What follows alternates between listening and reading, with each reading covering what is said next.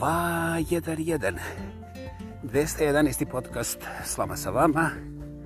Hej, sam oproglašeni lingvistički aktivista.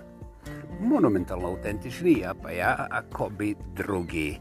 Vladimir Kreća sa predivnih stinovitih planina. Dobrodošli. Primijetili ste, juče smo imali... A, to je još uvijek danas. Ili možda juče, nema veze. Istraga neće biti pokrenuta, ali dvostruka doza slame sa vama. Hej, i kao što se vidi, odnosno kao što sam ja vidio, nikoga nije zaboljala glava, što je zapravo eh, fantastično. Ovaj, ne znam da li da se hvalim, ali niko se nije žalio. I to je fantastično. Dakle, dragi moji, slama sa vama nastavlja i idemo danas o vremenu. Ne znam da li ste primijetili, ali recimo riječ sinkronizacija je strašno važna u mnogo čemu, možda u svemu, ali ovaj, interesantno je da to postaje vrlo brzo, ne samo dosadno, nego usko specijalističko polje u kojemu je vrlo, vrlo teško doći do nekakve istine ili do konačnih nekakvih detalja. Naime, radi se o vremenu i to o vremenu na dvije, dvije različite pokretne a, mašine, mehanizma, sistema ili ideje. Dakle, sinkronizacija postaje vrlo brzo kritično, ključno pitanje. Ako imate bilo koje dvije krećuće stvari... O, čiji ja vas sad ne informiraju od nekuda, ali ne znam odakle, neću vam reći. Da kad imate samo jednu stvar koja se kreće onda je opet sinkronizacija važna. Zašto i kako? Ja nisam sinkrolog ili kronolog ili ekspert na sve to i ne dolazi u obzir da ulazim u tehničke detalje. Međutim, možemo vrlo lako da se dogovorimo kada vozite u koloni i onda tražite recimo danas dosta ljudi vozi po gradovima, vrlo malo njih vozi po onim zavačenim selima gore, ovaj, gdje nema kolovoza za njihove lijepe, široke i tako dalje niske limuzine.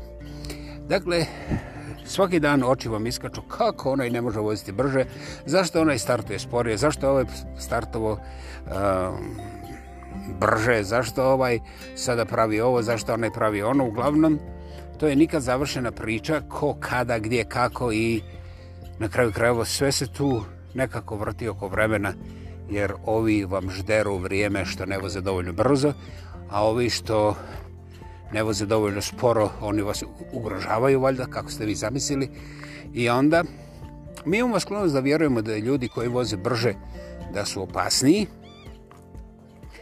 Dok e, ja ću govoriti o statistikama, jer mi je jasno da ne mogu govoriti o ljudskim sklonostima u detalj, poradi najjednostavnijeg razloga što dva čovjeka uvijek imaju tri mišljenja. I ovaj, ja ne mislim slamu sa vama pretvoriti u neku apsolutističku ovaj, utopiju i upravo zbog toga tumačim i statistike. Naime, statistika kaže da su brzi vozači za neki procenat čak sigurniji od ovih sporih, znači ekstremno sporih. Ja ne govorim ništa o normalnim brzinama, znači ako je na putu propisano 60, osoba vozi 55 ili 60, oni ne spadaju ni u brze, ni u spore, nego eto tako normalne. Čak e, u većem dijelu svijeta se podrazumijeva da prekoračenje ili presporenje od do 10% od dozvoljene brzine ne predstavlja značajni prometni problem. Problemi nastaju kada se prekorači ta neka granica tolerancije, podnošljivosti ili nazovite kako hoćete. A onda, e, onda dolaze tu u igru naši živci. Ja znam da je vrlo teško naći čovjeka starijeg od 50 godina koji nije imao nekakvu vrstu prometnog čukanja baš u tim gustim gradskim sredinama i to upravo zbog malo čas smo govorili sinkronizacije, koju njemu niko nije predavao i o kojoj on smatra ili ona, rijeđi slučaj, da ne treba ništa niti učiti, a samim ti niti znati, jer šta tu ima znati kad ja znam sve? Dobro, ja znam sve, možda vi ne znate sve, ali ja sam skroman, ja znam sve. A ovaj, i kad ja vozim, daj se skloni, ej, vidi me budale, vozi 300 na sat. Dakle, ukoliko bi mi preispitali svoju, svoje iskustvo vremena, onda taj problem sa brzinom bi počeo polako da blijedi i da ne predstavlja nekakvu značajnu stavku u našim razgovorima, prijeporima i ubjeđivanjima sa ne znam već kim. Nevolja je kad dođe do policije ili sudaca. Dakle, mi kada sjednemo u vozilo,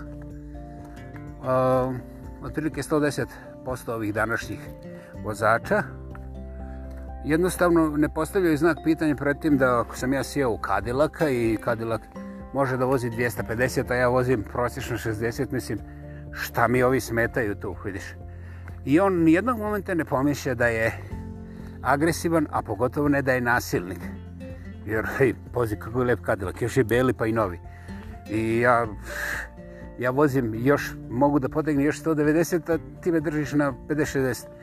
Ovaj, Dakle, to je logika jedne opasne stramputice. Prije svega psihološke, psihijatarske, inteligencija je eliminirana, nju ne, ne komuniciram sa njom, jer onog momenta kada čovjek reaguje sa ovim kortizolom, znači hormonom usrećivanja plus ovaj adrenalin koji se jednostavno hoćeš, nećeš, doaktivira sa tim, ovaj, toga momenta bilo koja inteligencija, dakle neke memorije, neke slike, neke, oni su suspendirane. Dok ne dođe do kraša, onda pukne glava, onda pred, pred tom glavom puknu sve moguće slike. Iako čovjek nije smrtno ugrožen, onda odjednom mu počinju dolaziti sjećanja taj tih par sekundi prvog udarca. Odjednom razumije sve zašto se tu našao, kako se tu našao. I vjerovali vi ili ne, u tim prvim minutama udarca, bez obzira koliko bolan, koliko je to skršeno kod čovjeka, ne mislim na auto, o tome će svaki auto ljubac da plače na svoj način, duže vremena od jedne minute, garant. Ovaj, znači, neposredno nakon što mu je glava razbijena, u tim prvim minutama čovjek nije ljut nijakoga i zapravo ne razmišlja o brzini kretanja, ne razmišlja o prometnim pravdama, ne razmišlja ni o sudcima, ni o novcima, nego se nalazi u jednom posebnom stanju koje nema nikakav bol, koje nema nikakav bijes i koje, oh, thanks. Stanju koje je između ostalog lišeno kontakta sa tim uh, adrenalinskim i kortizolskim izvorima. Ono, nevjerovatno.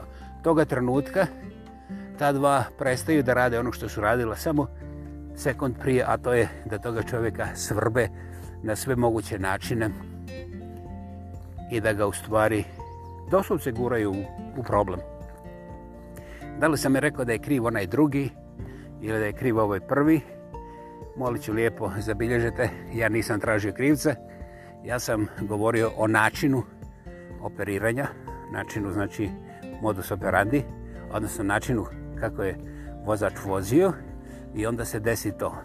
Inače, 80%, opet vrlo zanimljive američke statistike koje ja dosta volim, a da su našminkane, ali hej, daju dobar orijentir, kažu da 80% vozačkih grešaka, znači vozač može da napravi 80 grešaka prije nego što ga uhvati onih 20% gdje on to plaća, da li je sa to uh, sudar, iskliznuće, uh, um, pokvareno auto, sletilo auto ili bilo koji drugi problem. Znači, vozač u 80% slučajeva svoje vlastite greške ne plati ništa, prođe lišo, jer neko drugi sleti umjesto s njega s ceste, neko drugi se skloni, neko drugi prikoči, neko drugi...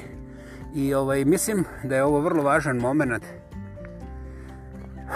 Recimo, ja sam vozač, ovaj, mada je neki iz moje neposredne blizine, ono, doista su sigurni da ja trebam imati samo jedan ruka vezan na leđima i da trebam biti institucionaliziran, što znači zakantan, zaključen na psihijatriji, ako ne tamo negde na nekoj klonici. Hvala. Možemo i to su obožavoci.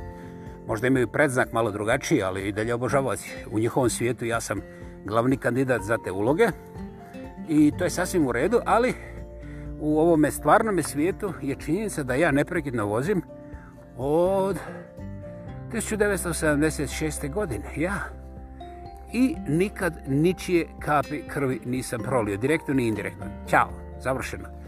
A, to je ono s čime se ja ponosim više nego sa sepetom Nobelovih nagrada. Dobro, i odgovarajućim brojem ovih uh, čekova koji dolaze usto, jeli? li? Dobro, može biti keš, nemam ja ništa protiv toga, to je prljav novac, ja to znam dezinficirat. Ali, ovaj, I kao vozač, prolazio sam kroz razna stanja i Bogu hvala nisam izgubio memoriju, znam da se sjetim dosta toga, ali najva, najvažnija stvar u tom sjećanju je da sam doista činio neke nevjerovatne greške za koje sam bio apsolutno uvjeren da su greške onoga tamo majuna sa suprotne strane ili ovoga baš ispred mene što se ponaša ovak jer me mrzi. I onda sam kasnije počeo da vidim kako me taj čovjek ispred mene mrzi. Malo vozi, malo ne vozi, malo vozi, ne, ne. Da taj čovjek nije to radio da mene pote za živac, nego taj čovjek je imao nešto zbog čega je tako eratički vozio, znači... Uh, uh, uh, uh. uh A ja sam lijepo sebi zamislio da o mene ovako lijepa, mlada, plava i nepogrešiva, a skromna to niste zaboravili, hvala, ovaj, da on mene zajebava. Dakle, a sada prije nego što povraćate i kažete da ja dajem za pravo svakom majmunu da on ima nekakve svoje obaveze, a ne da zajebava mene, ja ću vam reći da postoji ovaj jedan broj vozača, ali nikad nije preko 5%, koji nađu u prometu nekoga kojim se odgovara, to je profil vožnje, to se to se jednostavno osjeti, jer to je dinamika kretanja i tu treba manje od dvije sekunde da se pronađe žrtva i onda se taj vozač izaziva čika, jeli kako bi rekli na čekrčićanskom jeziku. I ovaj, a, to je prije svega nezakonito, a zatim a, nije seljački, nije ni seljoberski, nije ni džunglovski, nije ni majmonski, nemojte da vređate džungle i majmune, to su to su divni, divni ovaj prizori božanskog božanske kreative, kreative i života i ovaj nemojte ništa kontra majmuna, molit ću lijepo. Dakle, postoje ljudi koji će vas izazivati, koji će napraviti prosto um, nekom procesnom mozgu, mozgu nezamislive niskosti i gluposti i to čak i na svoju opasnost to ih ne zanima jer oni su jednostavno otkrili adrenalin i onda niko im nije rekao šta adrenalin radi, ali oni ni, zna, ni ne znaju, nisu nikog pitali, neće nikog ne pitati jer ih to ne zanima, jer oni vide samo da ste vi glupi, da imate veliki nos ili mali nos, ili srednji nos, brate, ono, ili se vidi, jel ste nos vidi? U, sad ću ti ja, znaš, pa ću ti ja pokazati, nećeš ti imati auto sa dva uspuha, ja samo sa jednim. Mislim, razlazi su za takve gluposti, ono, Adio mare. Znate, kad iskopate gradsko smjetište grada Njujorka, onda, mislim, tako nisko, pa još niže i smrljivije, to je tek početak šta mogu ti izazivači na ceste. Međutim, fantastična je ljepota, fantastična je stvarnost da vi te derane možete vrlo lako, vrlo jednostavno, vrlo bezbjedno, vrlo brzo i efekasno izazivati ignorirati. Dakle, ukoliko vi napravite jednu jedinu reakciju, pazite, jednu jedinu, previše, previše, ovaj, e, pitajte cure koje imaju lijepe mlade guze oko 20 godina, šta bi se njima desilo kad bi reagirale na sve moje opise tih njihovih nasjednih elemenata ili recimo meni sličnih ovaj derana koji vrlo rado vole da koriste širok riješik i ne samo verbalni, da bi opisali to šta ženska ima pozadi, mislim na čemu sjedi. Bože moj, pa to, ono, e, nemojte počinjati, neću nija. Dakle, jedini način je ignoriranje. Ja sam taj način ignoriranja znao na početku, rekli su mi pametni ljudi, međutim počeo sam da ga primjenjujem, primjenjujem u životu i da ga stvarno učim tek jednu 10-15 godina nakon što sam vozio i bio u nekim situacijama koje baš ne mogu da se pohvalno opišu, barem ne na moj račun. Ja sam, eto Bogu hvala, imao sreće pa nisam završio sa strane puta, niti sam ja izgoro nikoga, ali, znaš, bilo je iskri, bilo je varnica, bilo je, bilo je situacija za koje ja danas ozbiljno govorim, pojma nemam kako sam prošao, a u to vrijeme ja sam mislio da je to nešto kao pitanje moje sposobnosti i vozačkih kvaliteta. Nema vozačkih kvaliteta u bilo kojem obliku napucavanja na ulici. Aha, ovo ću ponoviti. I to važi za svakoga, u svakoj državi. Ne morate biti demokurata, možete biti i demoimpotentni, možete biti samo demoni, možete biti čak i komunisti, ali pravilo i dalje vrijedi dobro, možete biti i religiozni, ali pravilo i dalje vredi. Ne možete se udati, uzdati u Boga kada pravite gluposti na cesti i natječete se sa bilo kim ili napucavate se s neskim koji ima bolje auto. Iz vrlo jednostavnog razloga. U svakom momentu na cesti se može pojaviti rupa od 20 cm dubine. I to rupa koja se ne vidi dok ne dođete na 10 metara od nje. Onda, pri brzini od 60 km na sat, manje od polovice od nas to primijeti. Dakle, toga momenta je mogućnost da vam otpadne točak nevjerovatnih 85%. Dakle, vi možete biti fantastičan vozač. Dobar je primjer Ayrton Senna, jedan od potvrđeno najboljih vozača koji je ikad hodao ovom planetom. Kažu, kasnije u rekonstrukciji njegovog, njegove nesreće, koje je bilo dosta nevjerovatno, ono, manje od dva sekunda. Kažu da je on imao kamenčić od 9 mm u toj krivini, a, koji je podigao gumu i pri brzini od oko 300 km na sat, možda malo, malo više. A, to je bilo sasvim dovoljno da on u manje od jedne i po sekunde odleti sa toga mjesta u zaštitni zid. I onda se desilo još jedno čudo, on bi inače preživio to, ali njegov upravljač, um, znači volan, ta osovina na kojoj se nalazi osovina, je 6 cm bila pomjerena prema sredini, tamo gdje je bila njegova glava i puf, tu, to je bilo katastrofično, nije, nije bilo šanse da ga se spasi, on je bio mrtav već nakon nekoliko sekundi. Dakle, tu je bilo, eto, isto tako, nekakvih nemogućih e, koincidencija. Ali, kao što vidite, sve je počelo od malog kamenčića na pisti, za koji se i dan danas ne zna kako je dospio tu, jer oni te piste čiste i upravo u toj krivini nema blizine gledališta, tako da nisu mogli da optuže gledalište i tako dalje, tako dalje, tako dalje. Moj point je da i vrhunski vozači, nesumnjivo vrhunski, jer Sena, ako ne želite priznati da je među najboljima koji su ikada hodali ovom planetom, apsolutno jeste vrhunski vozač, nevjerovatnih e, vozačkih kvaliteta, za nas prosječne i obične, i on je eto, platio životom kamenčić od manje od jednog centimetra. I to sa autom koje je opravljeno ni za što drugo nego za vožnju. I to brzu vožnju najbržo što može. Takozvana Formula 1. Dakle, drago moja gospoda, ja bi danas, pošto svi izlazite na ceste sa razno raznim vozilima, od Rolšova, pa ne znam, raketa, ima, ja, ja, vjerovali ili ne, ja znam da to nije zakonsko, ali neki tamo opaljuju i raketne motore, uključuju istina još ne u gradskom prometu, ali hvala Bogu da je tako. Međutim, svi vozimo i svi smo nestrpljivi. Bez obzira koliko imamo ili nemamo u toj našoj glave. Znači, inteligenciju zaboravite. Ali, ne možete zaboraviti hormone, jer hormoni vrlo često odlutaju izvan kontrole. Hormoni nemaju mozga, hormoni imaju reaktivno, ne intelektualno palenje. I kada se nađete, sad ću ovo reći, latinski ugovnjariji, gdje su hormoni preuzeli kontrolu, najvjerovatnije nećete stati dok vas izgledaju neka prepreka ne zaustavi. Da li je to ovaj glupi vozač tamo ili je glupi zid onamo ili nešto između toga ili vam pješak sasvim slučajno baka okliznula se dok je prelazila ulicu. Ja ne znam šta je. Međutim, imajte na umu. Ljeto je i mislim, ja nisam spomenuo alkohol i droge dok vozite.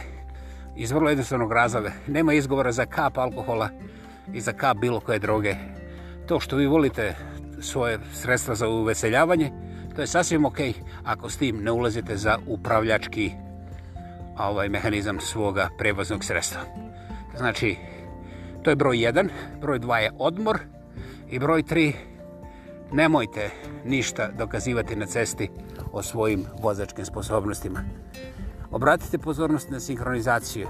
Budite uzročnik sinkroniziranog ponašanja, i odjednom ćete primijetiti da ste uštedili puno vremena. Nemojte u zadnji, pu, zadnji minut kretati na cestu jer onda će biti svi krivi što vi kasnite. To je vrlo prljavo i vrlo agresivno i to je prokleto. Ako ste ikad vjerovali ikakav, ikakvu, ikakvu religiju, to je prokleto. Jer obtužujete ljude za ono što ste vi promašili učiniti. Znači, niste isplanirali svoj put kako treba, niste krenuli na vrijeme i onda su krivi svi drugi. Neću da govorim koliko to izaziva razvedenih brakova i to ima u onim statistikama koje sam spomenuo, to je za neku drugu emisiju. Ali, molim vas, sinkronizirajte svoj vlastiti sat unutarnji sa ovim vanjskim i onda ćete moći kontrolirati i brzinu svoga prevoznog sredstva. 211. put slomba se vam, ja pa ja, ako bi druge, Vladimir Krećo sa predivnih stjenovitih planina. Hvala vam što ste i danas bili tu. A, doista, plašim se da nisam postao zaljubljen u vas, jer vaša pozitivna energija i prisutnost na ovim valovima jednostavno čine sve. Dobro, nije mi narasla kosa, nemojte nikome reći, ali možda mi narastu rogovi, jer već sam počeo da grebem po ovim temama koje nisu popularne. Zamisli, kritiziram ove vozače koji u zadnji moment kreću, pa onda krive sve druge što su izgubili vrijeme. Pazi vraga. Ovo nije borba za pravdu i krivdu, vjerovali ili ne. Ovo je pitanje da li biste htjeli učiniti za sebe i ove svoje što su vaše žrtve, znači vaši suputnici u autu nešto što ne riskira njihove živote. Znači ostavite svijet, pokušajte se pobrojiti za sebe i za svoje, ove koji putuju sa ovom. Hvala vam. I kao uvijek prije, čujemo se prije što se vidimo. Ja pa ja, ako bi drugi Vladimir Keća, sa predivnih stjenovitih planina. Ćao!